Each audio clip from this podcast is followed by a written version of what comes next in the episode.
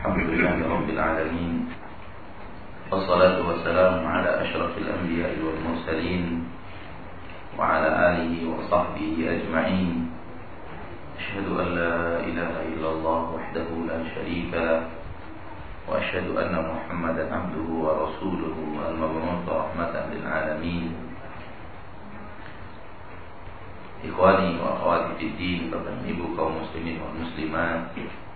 Rahimakumullah. Semoga Allah subhanahu wa ta'ala Senantiasa memberikan kepada kita Hidayah ke jalan yang hak Terutama di dalam bab-bab akidah. Karena akidah adalah sesuatu Yang sangat penting di dalam agama seseorang. Dan sebagaimana biasa waktu setelah sholat isya adalah untuk menjawab pertanyaan demi pertanyaan seandainya kita memiliki jawaban atas pertanyaan tersebut. Pertanyaan pertama, apa hukumnya sholat di kuburan serta melakukan tahlil di kuburan? Pertama jawaban saya, di dalam seluruh ibadah kita mencontoh Rasulullah Sallallahu Alaihi Wasallam. Di dalam seluruh ibadah kita mencontoh Rasul kita Nabi Muhammad Sallallahu Alaihi Wasallam. Kalaulah ada orang lain yang kita contoh selain Rasulullah Sallallahu Alaihi Wasallam, maka kita telah menyepelekan Nabi kita tercinta Nabi Muhammad Sallallahu Alaihi Wasallam. Dan sejauh yang kita ketahui tentang sejarah Nabi Muhammad, Rasulullah tidak pernah SAW sholat di kuburan. Kecuali sholat mayat. Kecuali sholat mayat. Ada. Tapi kalau sholat yang sholat, benar-benar sholat itu tidak pernah ditemukan Nabi Muhammad SAW sholat di kuburan dan juga tidak pernah Rasulullah bertahlil di kuburan. Maka tidak perlu kita lakukan hal yang seperti itu dan sesuatu yang tidak pernah dikerjakan Nabi Muhammad SAW tidak boleh kita lakukan dalam ibadah karena dalam ibadah kita wajib untuk mencontoh beliau Sallallahu Alaihi Wasallam. Apa saja amalan-amalan yang dapat memungkinkan kita untuk mendapatkan syafaat di akhirat kelak? Di antaranya bertauhid yang benar. Itu yang terpenting agar kita tidak terjebak ke dalam kesyirikan. Karena apabila kita terjebak dalam kesyirikan mustahil kita mendapatkan syafaat karena Allah tidak akan mengampunkan dosa orang-orang yang berbuat syirik. Maka orang seperti itu tidak akan mendapatkan syafaat untuk surga. Kemudian memperbanyak salawat kepada Nabi Muhammad sallallahu alaihi wasallam. Kemudian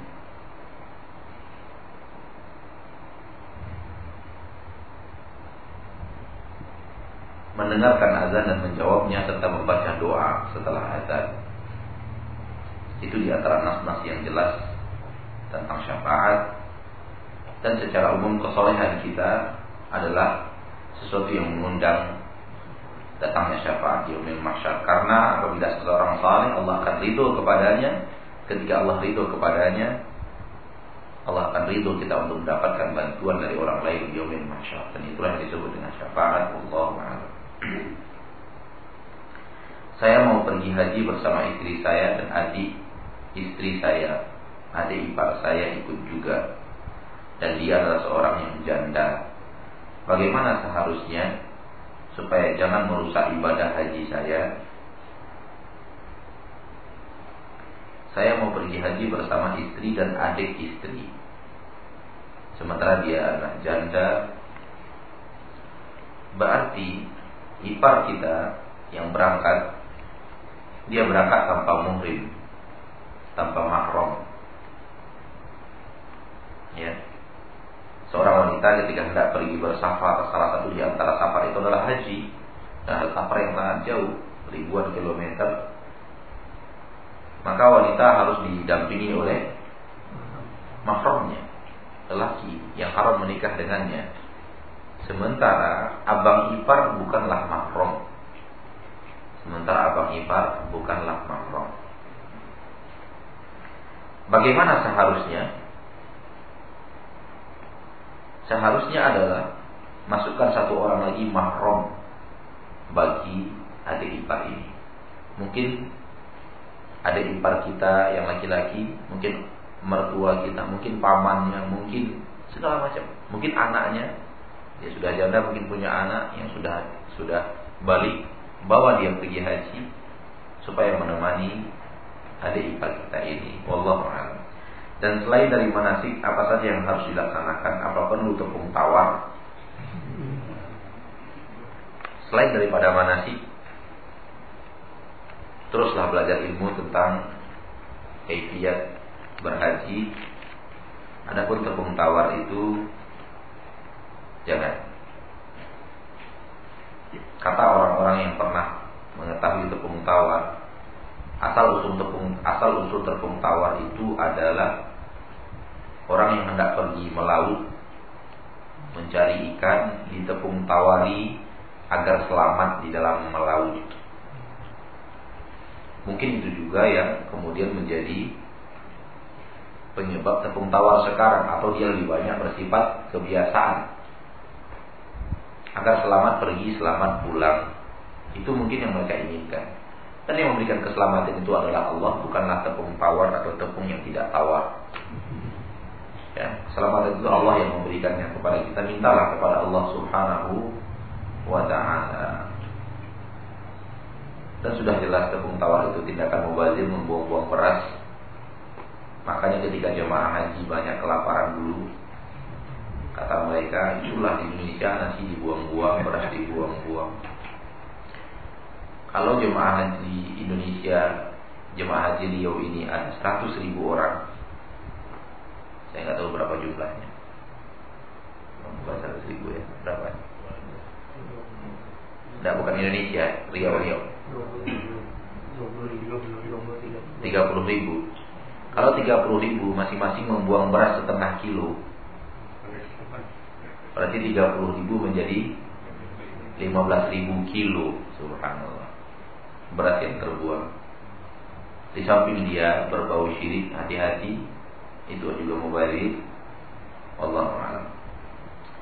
Saya saya punya mertua, dia hamba Allah. Dia hamba Allah tapi dia juga hamba selain Allah. Di rumah dia juga merokok. Eh, di rumah dia juga menaruh sesuatu di rumah untuk disimpan dan menanam sesuatu di halaman rumah untuk menangkal sesuatu untuk mengatakan kepadanya saya takut dimarahi bagaimana menyikapinya Ustaz? Mohon penjelasan. Tidak perlu takut.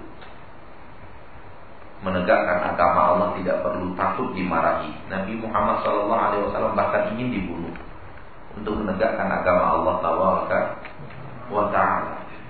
Kalau ataupun suatu saat kita dimarahi oleh orang mertua kita gara-gara kita menerangkan itu kepadanya maka ibadah itu adalah ibadah kita.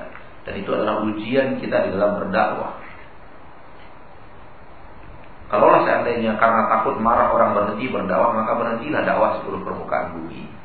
Karena dakwah yang hak pasti menghasilkan marahnya orang-orang yang disalahkan karena memang salahnya mereka maka jangan perlu pakai takut ya Apalagi dia adalah orang punya hubungan dengan kita yang sangat erat dengan tali pernikahan kita dengan anaknya.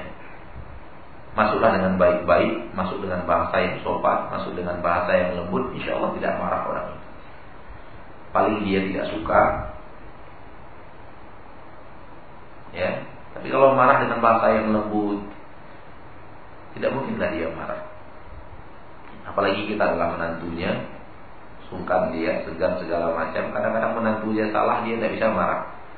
Apalagi sekarang menantunya nggak salah, menantunya memberikan nasihat yang baik-baik. Sampaikan kepadanya bahwa tameng-tameng itu tangkal-tangkal seperti itu bagian daripada hal yang dilarang dalam agama Islam persembahan kepada sesuatu selain Allah dan keyakinan bahwa sesuatu bisa mendatangkan manfaat selain Allah itu berbahaya. Saya pernah baca tanya jawab di internet tentang akidah, tepatnya tentang orang-orang tentang orang tua Nabi Muhammad SAW Benarkah beliau tidak termasuk orang Islam karena setelah Islam datang jauh setelah mereka meninggal dan juga dinyatakan Nabi dilarang Allah mendoakan surga bagi orang-orang bagi orang tua beliau sendiri? Ya, ayah Nabi Muhammad Sallallahu Alaihi Wasallam wafat di atas kekufuran dan nas yang hadis yang jelas bahwa orang tua Nabi Muhammad SAW tempatnya di neraka sebagaimana yang dikatakan Nabi Muhammad sendiri Sallallahu Alaihi Wasallam. Namun masalah ini perlu kita yakini, tidak perlu kita diskusikan panjang lebar. Ya, wallahu a'lam. Bagaimana paham Wahabi yang sebenarnya karena sebagian muslim ada yang tidak menyukainya. Buku yang kita baca, buku yang kita baca kita diskusikan tadi, inilah pengarangnya. Orang yang dituding orang akidah Wahabi itu sesat, inilah dia buku yang kita bacain. Kata orang akidah Wahabi itu sesat, inilah bukunya. Kashfu Syubuhat ini karangan Imam Muhammad bin Abdul Wahab yang dituding sebagai pembawa akidah Wahabi. Nah, kalau seandainya punya kritikan, silahkan kritik. Tapi kalau setuju, ikuti. Dan saya melihat bahwa ini kemurnian tauhid dan akidah kepada Allah. Namun benci orang-orang yang tidak suka tauhid, orang-orang yang cinta kesyirikan, lalu ditebarkan tudingan-tudingan. Oh, ini orang tidak suka Orang tidak suka bersolawat, orang yang benci kepada Nabi, benci kepada para wali, benci kepada itu, tudingan-tudingan. Ini bukunya. Pelajaran kita dari awal sampai akhir coba lihat agama Nabi, agama Rasul, akidah kepada Allah, bagaimana bertauhid, bagaimana mengikhlaskan ibadah, bagaimana jauh daripada kesyirikan, apa itu syirik, apa itu tauhid, bagaimana ini, bagaimana itu, kenapa orang bisa terjerumus, apa itu. Lihat, ini yang kita bicarakan selama ini. Inilah pengarang buku yang dituding orang membawa paham karena namanya Muhammad bin Abdul Wahab Wahab sehingga Wahabi gitu. dan beliau adalah ulama abad ke-12 hanya tudingan hanya tudingan nah apa saja sholat yang kita lakukan ketika masuk masjid dan menunggu khatib naik mimbar pada sholat Jumat? Pertama, sholat tahiyatul masjid. Karena kita sedang masuk sedang masuk masjid. Kedua, boleh kita sholat. Sholat sunnah mutlak. Dua rakaat, dua rakaat. Seberapa kita sanggup? Bisa empat, empat, bisa enam, enam, bisa delapan, delapan. Seberapa kita sanggup? Allah Kata Nabi SAW, apabila seseorang masuk masjid dan sholat dengan jumlah yang Allah takdirkan untuknya, menunggu datangnya khatib. Berarti ada sholat ya, sampai datangnya khatib untuk berkhutbah. Namun sholat itu tidak ada namanya, berarti sholat itu sholat sunat mut, mutlak. Ada boleh. Tapi kalau kita ingin membaca Al-Quran dan yang lainnya juga dibolehkan, asal jangan mengganggu orang yang sholat di sekeliling kita. Apakah jin itu kalau diganggu juga akan mengganggu manusia? Bagaimana sebenarnya Ustaz? Kebanyakan masyarakat banyak yang memahami begitu. Kalau kita salah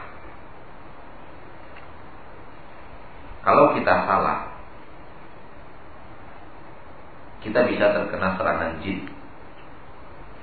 Bisa Kalau kita salah. Salah satu di antaranya yang kita katakan tadi Nabi SAW melarang kita Untuk membuang air Buang hajat di lubang-lubang. Diterangkan bahwa Di dalam makna hadis ini Bahwa itu adalah tempat rumah-rumah jin. Lalu kita sholat, kita tuangkan air seni kita di situ, kita tuangkan air panas di situ, dia terganggu. Itu kesalahan kita. Di antara kesalahan lain adanya jin-jin yang masuk ke dalam rumah dalam bentuk binatang, ular. Kata Nabi Shallallahu Alaihi Wasallam apabila itu terjadi, usir dulu dari rumah anda dengan disumpah dengan nama Allah tiga kali, baru kemudian kalau mau dibunuh dibunuh, kalau dia tidak pergi juga tanpa melakukan itu langsung main bunuh saja ada seorang sahabat yang wafat. Karena langsung main bunuh saja akhirnya jin yang lain marah dan kemudian berusaha untuk membunuh dan dia salah. Sehingga ada yang wafat di zaman Nabi. Bisa itu terjadi namun itu minim sekali. Namun itu minim sekali. Itu pun kalau kita salah. Memang kita bersalah. Kalau dia yang salah kita di atas kebenaran dia tidak bisa apa ya Allah Apa ciri-ciri dakwah yang ikhlas? Sebab saya sering diajak berdebat kadang-kadang membuat jengkel hati saya karena tidak cocok hujahnya dengan apa yang pernah saya pelajari di majelis taklim ini. Jangan pernah jengkel ketika berdakwah. Ketika kita mengeluarkan kata-kata dakwah, niatkan kata demi kata yang mau keluar dari mulut kita untuk mendekatkan diri kita kepada Allah. Bukan untuk menang. Bukan untuk lawan bicara kita kalah. Bukan untuk dilihat bahwa kita punya ilmu, bukan untuk itu.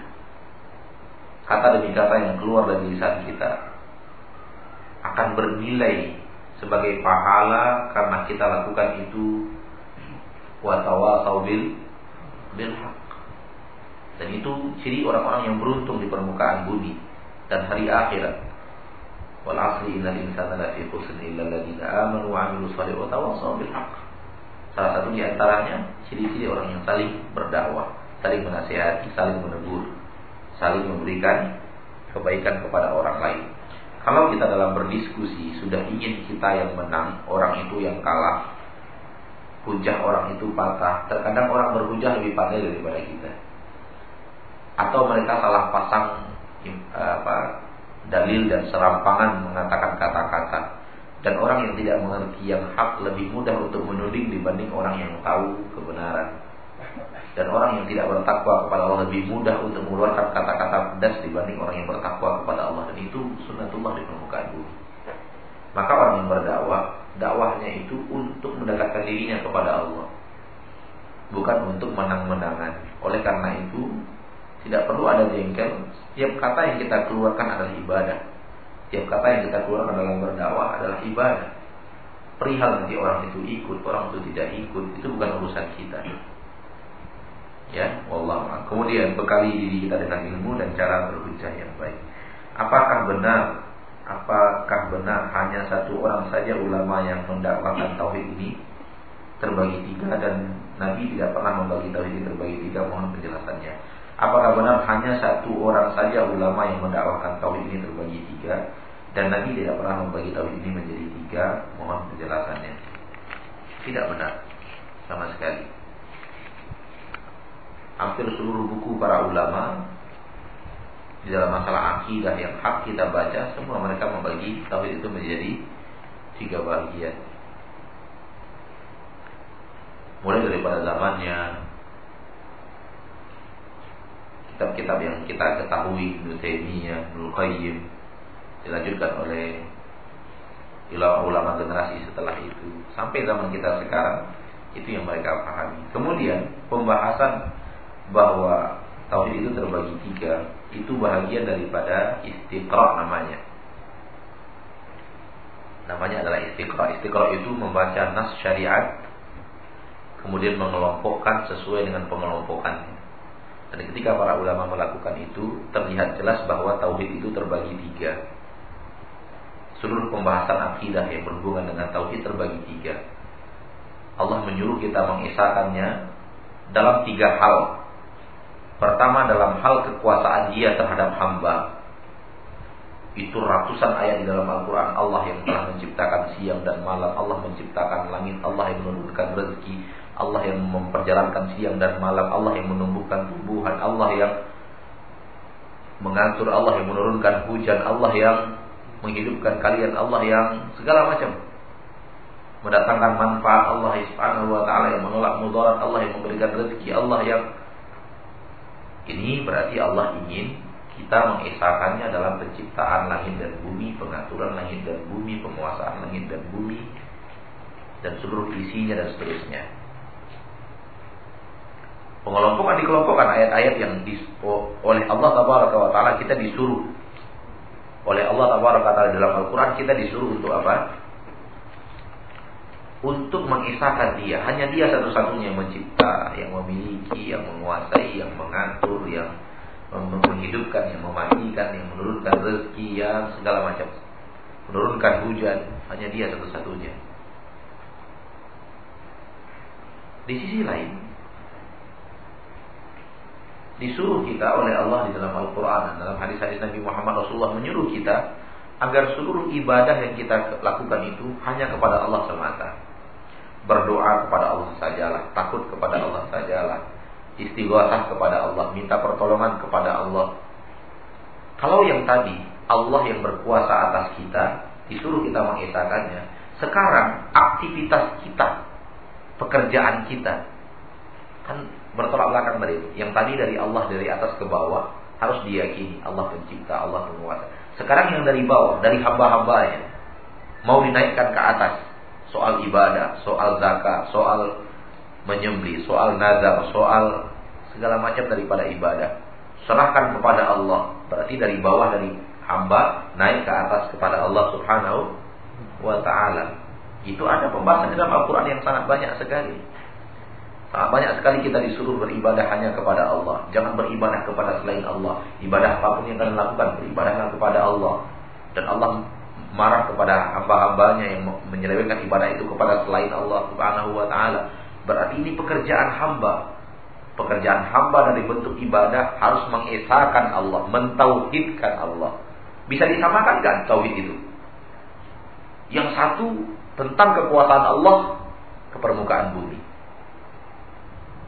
bahwa Allah yang mencipta, Allah yang mengatur siang dan malam, Allah yang perjalankan matahari, Allah yang mengatur bulan-bulan dan bintang. Semua yang ada di bumi ini Allah yang mengaturnya. Daun-daun turun jatuh dari pohonnya dengan izin Allah. Semua yang lembab, semua yang basah, semua ada di catatan Allah. Kekuasaan Allah tentang alam. Dalam satu sisi perbuatan kita, puasa kita, sholat kita, zakat kita, tunduk kita, ibadah kita, haji kita, menyembelih kita, serahkan kepada Allah. Yang satu dari atas ke bawah, yang satu dari bawah. Bagaimana akan disatukan ini permasalahan-permasalahan ini?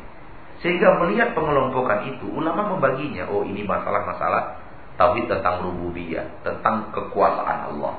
Esakan Allah dalam kekuasaannya. Oh ini tauhid tentang uluhiyah, penghambaan hamba, pe, penghambaan hamba, persembahan ibadah dari seorang hamba hanya kepada Allah. Itu berbeda, pembahasannya sudah berbeda.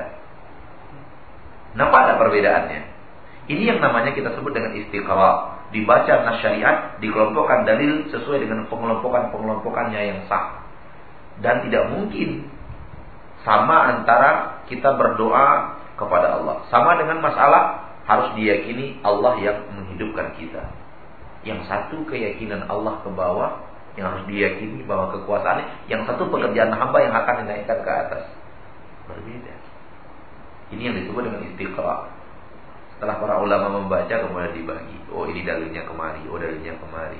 Sehingga timbullah tadi tauhid terbagi tiga. Ada yang uluhiyah yaitu pekerjaan hamba yang harus diberikan kepada Allah semata.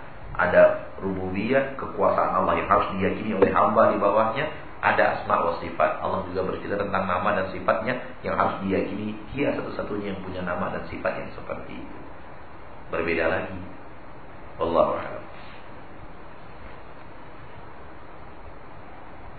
Rasulullah menyuruh kita sholat. Tapi kemudian melalui istiqra bacaan terhadap permasalahan dari dalil syar'i nampak yang sholat yang wajib itu ini yang sunat yang sangat ditekankan itu ini. Yang sunat biasa saja ini. Kan nampak kan? Dari mana pembagian-pembagian itu? Pengotakan-pengotakan itu dari mana datangnya? Dari membaca nas yang ada. Dan kemudian dimudahkan oleh para ulama. Setelah mereka baca, dapatlah kesimpulan oleh mereka. Lalu mereka tuliskan. Sehingga memudahkan untuk kita memahami generasi berikutnya. Dan tidak ada di sana memasukkan sesuatu yang tidak ada di dalam syariat tidak hanya membaca lalu mengelompokkan sesuai dengan kelompoknya Ustaz apakah orang yang sudah meninggal bisa kembali ke dunia dengan rupa yang diaturnya sendiri seperti menjadi harimau tidak ada orang yang sudah wafat bahwasanya di kampung saya ada beberapa kepercayaan tentang hal tersebut sehingga membuat mental anak-anak kiu. Itulah keinginan iblis dan syaitan. Menakut-nakuti. Dan kalau ataupun ada yang seperti itu, kalau di kampung saya disebut inye. Itu dikatakan bahwa orang-orang tua kita kembali dalam bentuk wujud seekor harimau. Itu tidak benar. Orang yang sudah masuk alam barzakh, dia akan di alam barzakh sampai hari kiamat. Dalam Al-Quran, wa min waraihim barzakhun ila yaumi yub'atsun. Setelah hari dunia ini, mereka akan masuk alam barzakh sampai hari berbangkit. Sampai hari berbangkit. Berarti nggak balik lagi ke dunia. Di alam barzakh sampai hari berbangkit. Lalu apa ini yang ngaku-ngaku kakek-kakek kita, nenek-nenek kita berwujud harimau? Jin bisa merubah diri dalam bentuk apa pun yang dia inginkan.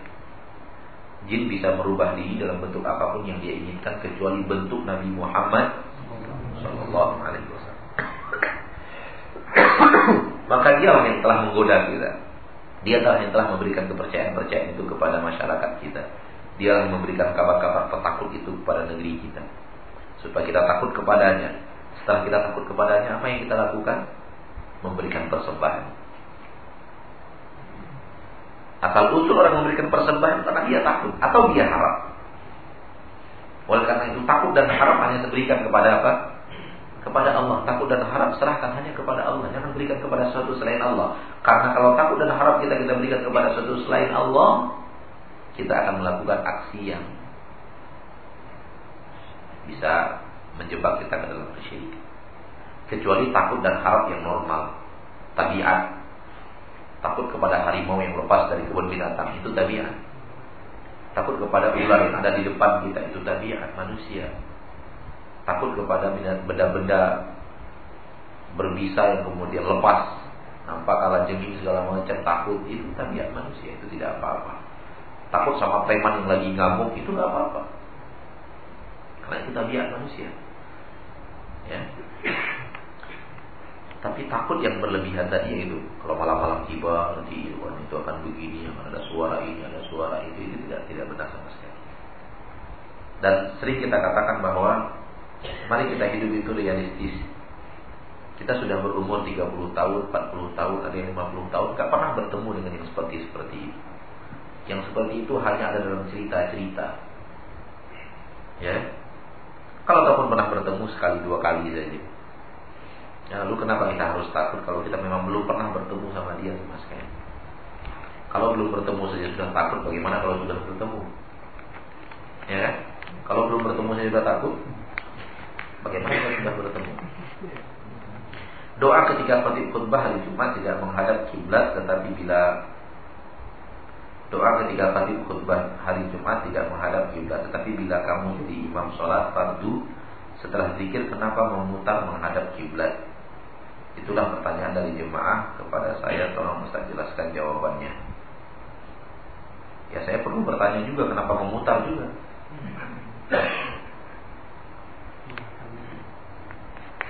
ya tidak ada keharusan memutar. Sebenarnya tidak ada keharusan sama sekali. Kalau sekali-kali kita lakukan karena menjaga adab berdoa menghadap kiblat tidak apa-apa. Ya. Tapi tidak ada keharusan sama sekali tidak ada keterangan hadis bahwa seorang imam kalau mau berdoa dia harus membalikkan badannya. Kalau kita lazimkan itu timbullah pertanyaan orang. Kenapa harus begitu? Sementara hadisnya tidak ada sama sekali Tudingan dari orang yang tidak suka dengan kita bahwa orang bermanat salaf itu adalah kaki tangan pemerintah Saudi yang mereka digaji untuk menyampaikan dakwahnya. Juga tudingan Wahabi adalah aliran sempit. Tolong Ustaz jelaskan yang sebenarnya. Wahabi telah kita katakan tadi ya bahwa itu tudingan. Adapun bahwa kita digaji untuk menyampaikan dakwah seperti yang saya katakan tadi, ketika orang menuding ketika orang menuding Pertama yang harus kita lakukan adalah apakah benar tudingan itu benar. Kalau tidak, biarkan dia lewat. Karena memang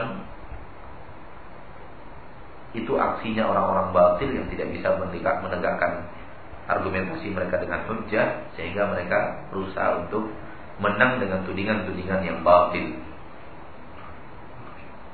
Sampai saat ini saya tidak pernah mendapatkan satu rupiah untuk dakwah gaji dari pemerintah Arab Saudi. Hah? Jangankan satu rial, Satu rupiah. Belum pernah saya dapatkan ini. Lalu dari mana tudingan itu datang? Orang-orang berpaham salah itu itu adalah digaji oleh pemerintah Arab Saudi untuk hebatkan dakwahnya. Kan mereka kuliahnya di Madinah. Dan mereka dulu di sana makan gaji dari pemerintah itu. Jadi itu itu kemudian berubah tudingan seperti itu. Karena kalau orang kalau kalau sudah suka tidak suka menuding, tudingan itu bisa berpindah-pindah warna, berubah-ubah bentuk.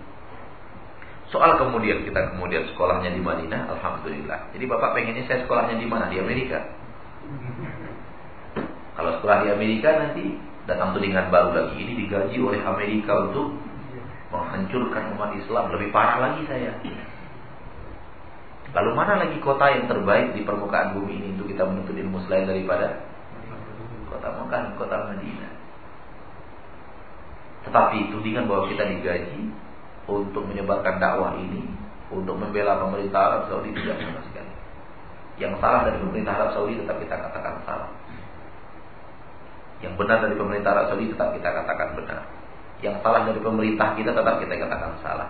Yang benar dari pemerintah kita tetap kita katakan benar. Yang salah dari rakyat Indonesia tetap kita katakan salah. Yang benar dari rakyat Indonesia tetap kita katakan benar. Yang salah dari orang Arab tetap kita katakan salah. Sebagaimana yang benar dari orang Arab tetap kita katakan benar. Karena kiblat kita menentukan benar dan salah itu bukanlah karena Saudinya atau non Saudinya. Tapi kiblat kita dalam mengatakan benar atau salah itu apakah ada keterangan dalam Al-Quran atau hadis. Di situ kita diajarkan. Ke arah itu kita dididik yang kita katakan itu ada keterangannya di dalam Al-Quran. Yang kita terangkan itu ada keterangan dalam hadis. Kalau ada kita terima, tak ada kita buang. Jadi tutup mata dulu. Saya kuliah dari mana? Tutup mata tentang itu. Apakah yang saya katakan itu sesuatu yang ada dalam Al-Quran atau hadis atau tidak? Cukup. Kalau iya yang saya katakan itu Al-Quran dan hadis ambil. Karena yang saya sampaikan itu Al-Quran hadis itu bukan kata saya. Tapi kalau yang saya katakan itu bukan Al-Quran hadis menurut pendapat saya begini, pendapat saya begini, buang aja. Buang seluruh pendapat saya yang Bapak dan Ibu tidak suka. Tapi Al-Quran dan hadis yang saya baca Bapak Ibu tidak suka mau buang, mau buang Al-Quran dan hadis. Teganya seorang muslim dan muslimah mau membuang Al-Quran dan hadis. Ya. Sekali lagi, tudingan-tudingan seperti itu pertama kali kita kita saring apakah tudingan itu benar. Ya. Ada lagi yang lebih lebih ngeri lagi tudingan itu. Orang-orang ini mereka-mereka ini merupakan salaf. Salaf itu pemahaman para sahabat. Apa sih yang salah dalam pemahaman para sahabat? Ada yang mereka tahu apa itu makna salaf. Salaf artinya para sahabat. Saya kita ingin berusaha berakidah, beribadah sebagaimana para sahabat Nabi. Apakah itu salah? Cuman karena kata-kata salaf ini nggak nggak dipahami di Indonesia, sehingga dia orang yang tidak paham ini menganggap ini sebuah aliran sendiri yang belum ada sebelumnya. Padahal salaf itu artinya sahabat. Ulama salaf, ulama terdahulu, sahabat Nabi. Sahabat yang dididik langsung oleh Nabi Muhammad. Kita ingin beribadah seperti ibadahnya mereka. Kita ingin paham seperti pahamnya mereka. Kita ingin berakidah seperti akidahnya mereka. Itu pemahaman yang tidak ber... Maka orang Arab tidak tidak orang Arab orang Arab yang mengerti bahasa Arab tidak berani menyalahkan ini kata-kata salaf. Cuma orang Indonesia tidak mengerti, tidak mengerti kata-kata salaf itu akhirnya ini apa lagi ini? Ada jemaah tabligh, ada ini, ada salaf, ada apa? Diseiringkan. Padahal salaf itu andai mereka tahu maknanya, para sahabat Nabi tidak mungkin sahabat Nabi disiarkan dengan kelompok-kelompok baru yang ada dalam agama Islam tidak mungkin. Ya, ya. Ada lagi yang tudingan yang lebih keras lagi. Apa katanya? Orang-orang yang salaf ini berpahamkan seperti sahabat Nabi salah satunya sahabat Nabi itu orang-orang yang di, dibentuk oleh orang Yahudi untuk memecah belah umat.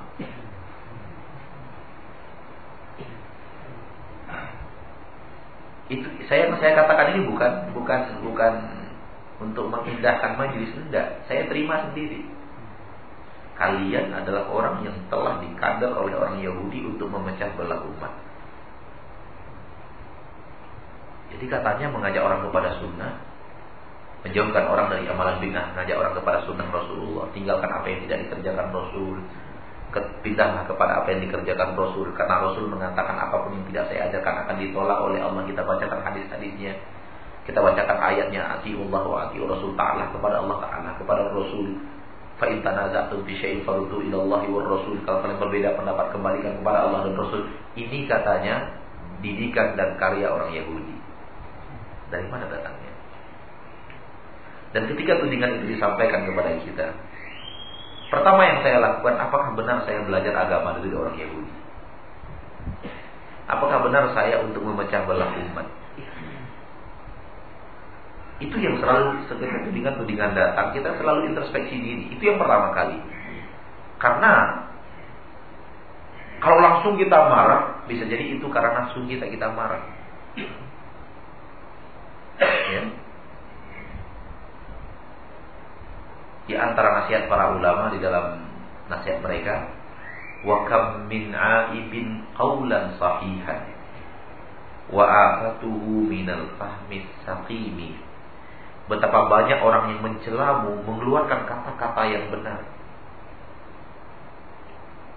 Betapa banyak orang yang mencelamu mengeluarkan kata-kata yang benar wa afatuhu minal fahmi satimi petakannya ada pada paham kamu yang salah. Jadi pertama kali ketika ada orang yang mencela kita yang pertama kita lakukan apakah perkataannya benar atau tidak? Karena kita takut karena kita yang dituding kita langsung marah. Kita langsung tidak terima. Tunggu dulu apakah orang itu benar tudingannya atau tidak? Itu dulu introspeksi dulu. Seperti yang dikatakan tadi lah Kalian orang-orang yang digaji pemerintah Arab Saudi untuk menyebarkan ini. Kalian orang-orang yang dididik oleh Yahudi untuk memecah belah umat. Padahal sejauh yang kita tahu tidak ada tujuan dakwah kita kecuali mengajak umat kembali kepada apa yang ada ibadah yang ada di zaman Nabi Muhammad SAW. Mengajak umat dan berakidah kepada apa yang ada di akidah yang diajarkan oleh Al-Quran dan hadis Nabi Muhammad. Itu yang kita tahu. Tapi daripada itu kita tidak tahu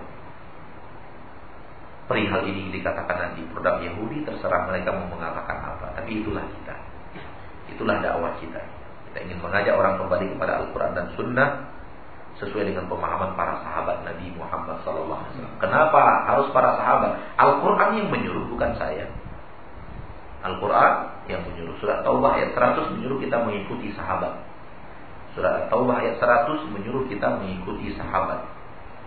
Baca ayat Al-Quran tersebut dan, dan, dan, dan Lihat ayatnya sangat jelas bahwa orang yang dijamin surga oleh Allah, para sahabat Nabi dan orang-orang yang mengikuti mereka. Jadi kita disuruh mengikuti para sahabat Rasulullah SAW. Jadi sekali lagi tudingan-tudingan seperti ini jangan emosi, jangan marah. Oh namanya dakwah itu akan memiliki rintangan, akan mendapat rintangan itu pasti. Kalau tidak, kalau mau berdakwahnya tidak ada rintangan, berdakwah saja kepada pohon dan batu. Ya tidak ada manusia yang lebih baik, lebih sopan, lebih santun daripada Nabi Muhammad dalam berdakwah. Namun tetap saja ada perlawanan dari orang-orang yang tidak suka dengan dakwah itu. Tidak ada rasanya lebih santun daripada Nabi Ibrahim. Nabi Ibrahim terkenal penyantunnya sallallahu alaihi wasallam.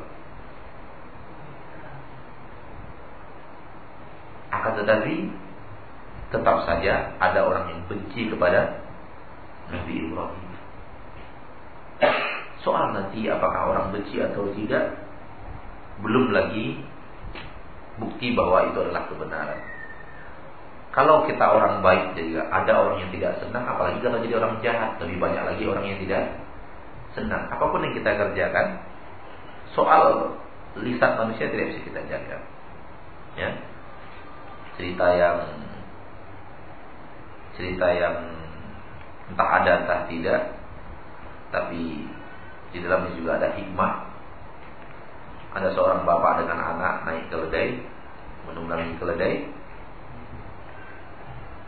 Apa kata orang? Ini anak bapak ini kurang ajar. Keledai kecil dinaiki berdua. Kata bapak itu iya juga kata orang kampung ini.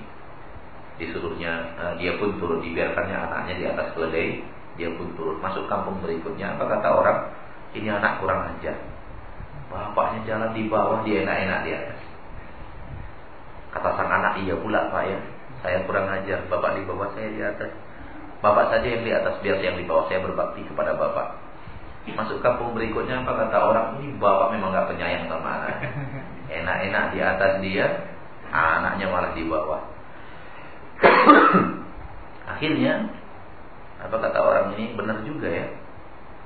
Bapak memang kok bapak yang di atas kamu di bawah. Kita dua naik salah, bapak di bawah salah, bapak di atas salah. Udah kita jalan aja di bawah berdua nggak ada yang dinaiki. Apa kata orang bodoh orang ini? Hah? Bodoh orang ini. Ada keledai malah nggak ditunggangi. Jalan aja di bawah. Jadi semua salah. Ya, semua salah. Kalau pandangan manusia yang kita lihat, apa pun yang kita lakukan, ada aja dia orang yang tidak suka. Baik kita ada juga orang yang tidak suka kita baik. Tidak ada yang lebih baik daripada Nabi Muhammad. Buktinya ada juga orang yang tidak suka kepada beliau sallallahu alaihi wasallam. Tidak ada yang lebih baik daripada Nabi Ibrahim. Ber, ber, buktinya ada juga orang yang tidak suka kepada beliau. Tidak ada orang lebih baik daripada para nabi dan para rasul. Buktinya dimusuhi juga oleh kaumnya. Dan itu sebenarnya benci atau tidak tidak benci kepada seseorang itu di dunia mana pun. Jahat kita juga orang seperti itu. Ada yang suka sama kita, ada yang tidak suka sama kita kan itu juga. Dalam dunia penjahat kan begitu juga. Hah? Apa sebuah penjahat itu disukai orang? Oh, lebih banyak yang tidak suka dibanding yang suka. Ya, Allah. Bagaimana pendapat Ustaz tentang tudingan bahwa jamaah yang berpangkat salaf ini ingin ke surga hanya untuk dirinya sendiri, tidak memikirkan saudara-saudaranya sesama muslim. Jalan ke surga itu adalah taat kepada Nabi Muhammad sallallahu alaihi wasallam. Jalan ke surga adalah mengikuti Nabi Muhammad SAW dan itu yang kita ajak.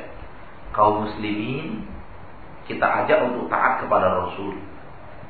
Kerjakan ibadah sesuai dengan yang diajarkan Rasul. Jangan kerjakan ibadah yang tidak dikerjakan Rasul. Berarti saya dan anda saya ingin kita sama-sama masuk surga bukan kemudian kita sendiri Wallahu ta'ala alam sallallahu wasallam Nabi Muhammad dan semakin banyak namanya informasi yang saya dapat tentang tudingan-tudingan. Ya, sekali lagi kalau kita dituding orang, kita perhatikan apakah tudingan orang itu benar. Kalau benar, alhamdulillah berarti kita dinasihati kembalilah kepada yang hak. Tapi kalau tidak ada sama sekali buang saja, karena memang itu sunnatullah. Orang yang tidak suka dakwah kebenaran, dia akan menuding karena dia tidak punya hujah untuk mengalahkan hujah orang yang membawa kebenaran kepadanya. Sallallahu alaihi wasallam Muhammad Subhanakallahumma bihamdika Asyhadu an la ilaha illa anta astaghfiruka wa atubu ilaik. Alhamdulillahirabbil alamin. Wassalamualaikum warahmatullahi wabarakatuh.